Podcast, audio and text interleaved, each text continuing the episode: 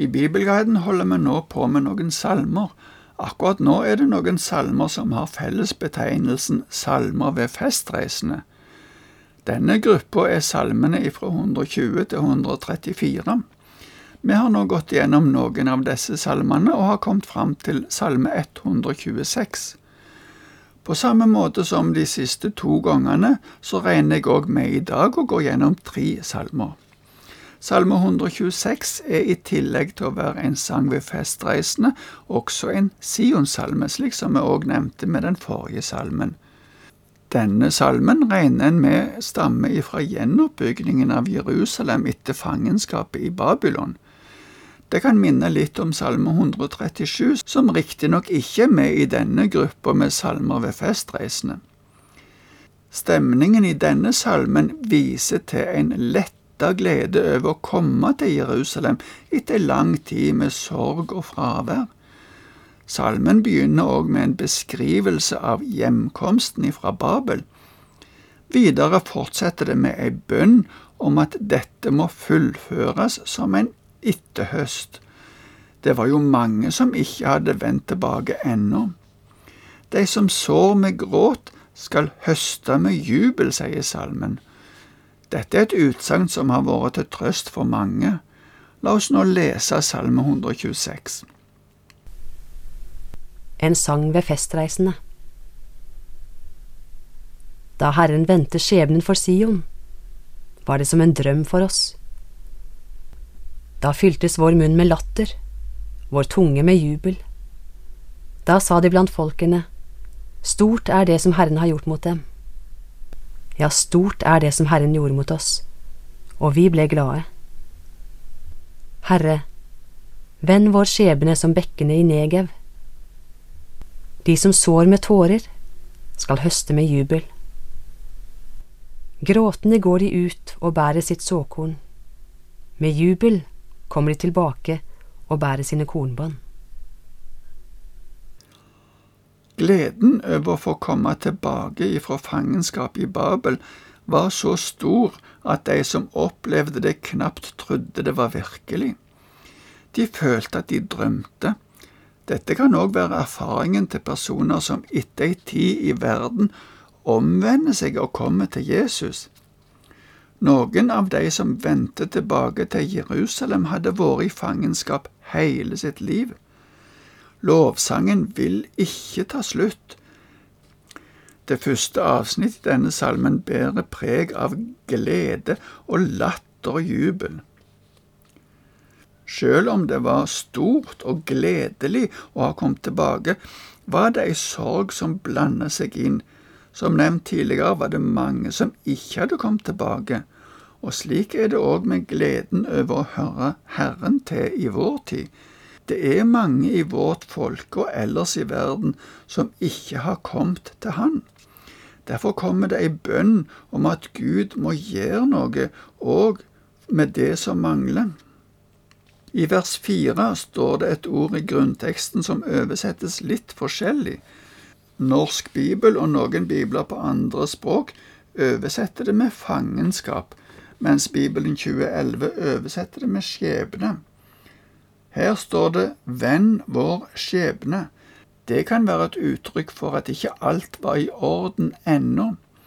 Jerusalem og landet måtte bygges opp, og fiendene måtte utslettes.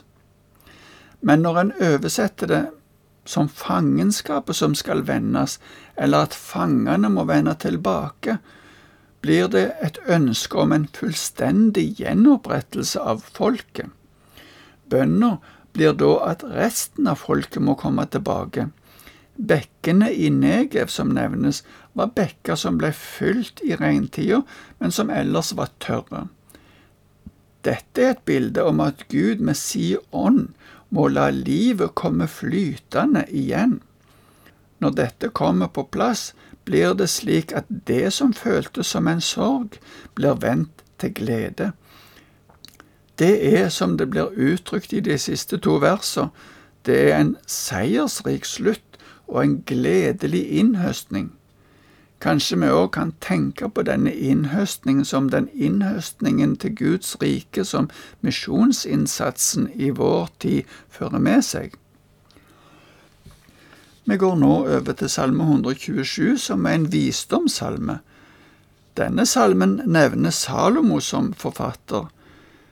Det er kun én salme til som nevner han som forfatter, det er Salme 72, men han kan ha skrevet noen av de som er anonyme, for etter det som er nevnt i første kongebok 432, så skrev han over 1000 sanger.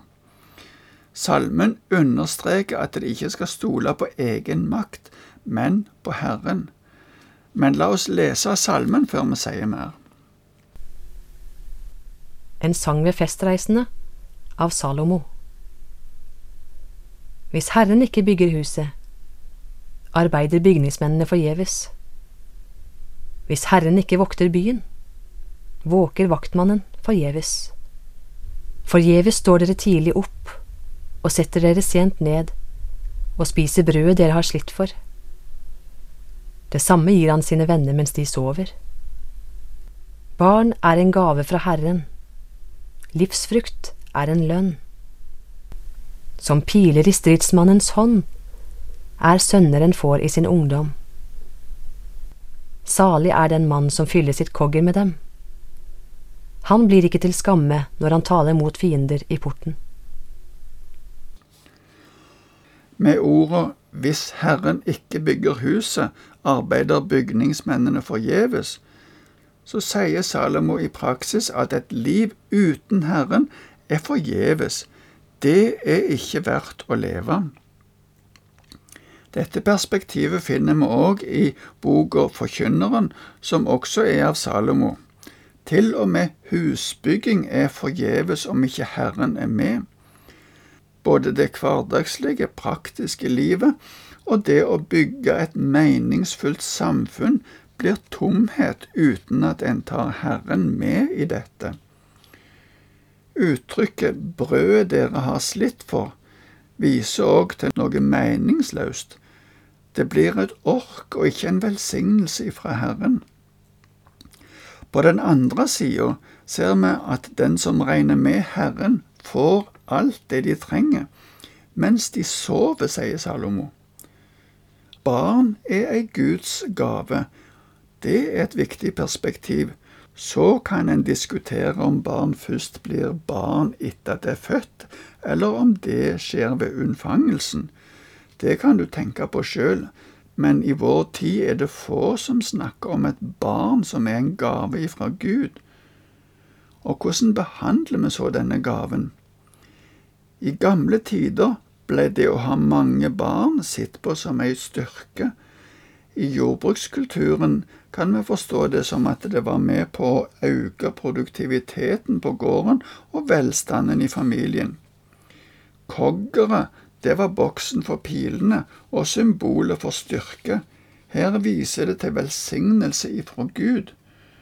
Porten var den plassen der folk samla seg for rådslutninger. At en mann ikke blir til skamme der, peker på at han blir respektert. Det blir han hvis han har mange barn, og dermed en høyt akta mann. Et eksempel på rådslagninger i porten ser vi i kapittel fire i Ruths bok. Den neste salmen, salme 128, er en visdomssalme og en Sionsalme. På samme måten som salme 127 handler den om Guds velsignelse over heim og familieliv. Festene i det gamle Israel var familiefester. Det var som regel hele familiene som drog til Jerusalem på disse festene.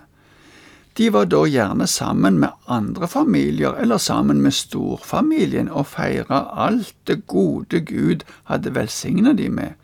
Men la oss nå lese salmen. En sang ved festreisende. Salig er den som frykter Herren og går på hans veier. Du får nyte frukten av ditt strev. Salig er du, det skal gå deg vel. Din kone er som en fruktbar vinstokk inne i ditt hus. Barna er som unge oliventrær rundt bordet. Ja, slik blir en mann velsignet når han frykter Herren. Herren velsigne deg fra Sion, så du får nyte Jerusalems lykke alle dine dager. Måtte du se barn av dine barn. Fred over Israel. Salmen begynner med en beskrivelse av den lykken en mann har når han frykter Herren og går på Hans veier. Det gjelder selvfølgelig ikke bare en mann, men alle personer. I fortsettelsen viser dette hvordan det fører til glede og lykke i hjemmet. Guds velsignelse gir harmoni, både for den enkelte og i hjemmet. Guds frykt fører til en respektfull holdning både i forhold til Gud og til de personene som har rundt oss. I fortsettelsen så ser vi at arbeid lønner seg. Det er en tilfredsstillelse i arbeidet, og det i seg sjøl er òg en velsignelse ifra Gud. Forkynneren er inne på dette i kapittel tre, der det blir spurt hva den som arbeider har igjen for sitt strev. Det blir nevnt at det skapte er vakkert, og det er godt å glede seg over det. I vers 12 og 13 konkluderes med at en kan nyte det gode i livet, men være klar over at også det er gitt av Gud. I beskrivelsen av lykken i hjemmet beskrives både hustruen og barna med fine og talende bilder. Den som frykter Herren, blir velsigna av Herren. Det nevnes som noe av det største å få nyte Jerusalems lykke. Jeg tenker at i vår tid kan vi ta dette som et forbilde på den lykken som vi som frykter Herren, skal få i det nye Jerusalem. Denne bønna handler òg om å få velsignelse for sine barn og barnebarn, ja, hele samfunnet.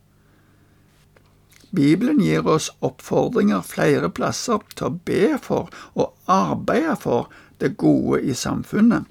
La oss fortsatt be om at de som styrer, må bli ledet av Gud til å ta avgjørelser som er rette og gode i forhold til Guds rike. La oss synge denne sangen for oss og familien mens vi er på vei til det himmelske Jerusalem. Takk for nå og Herren være med deg.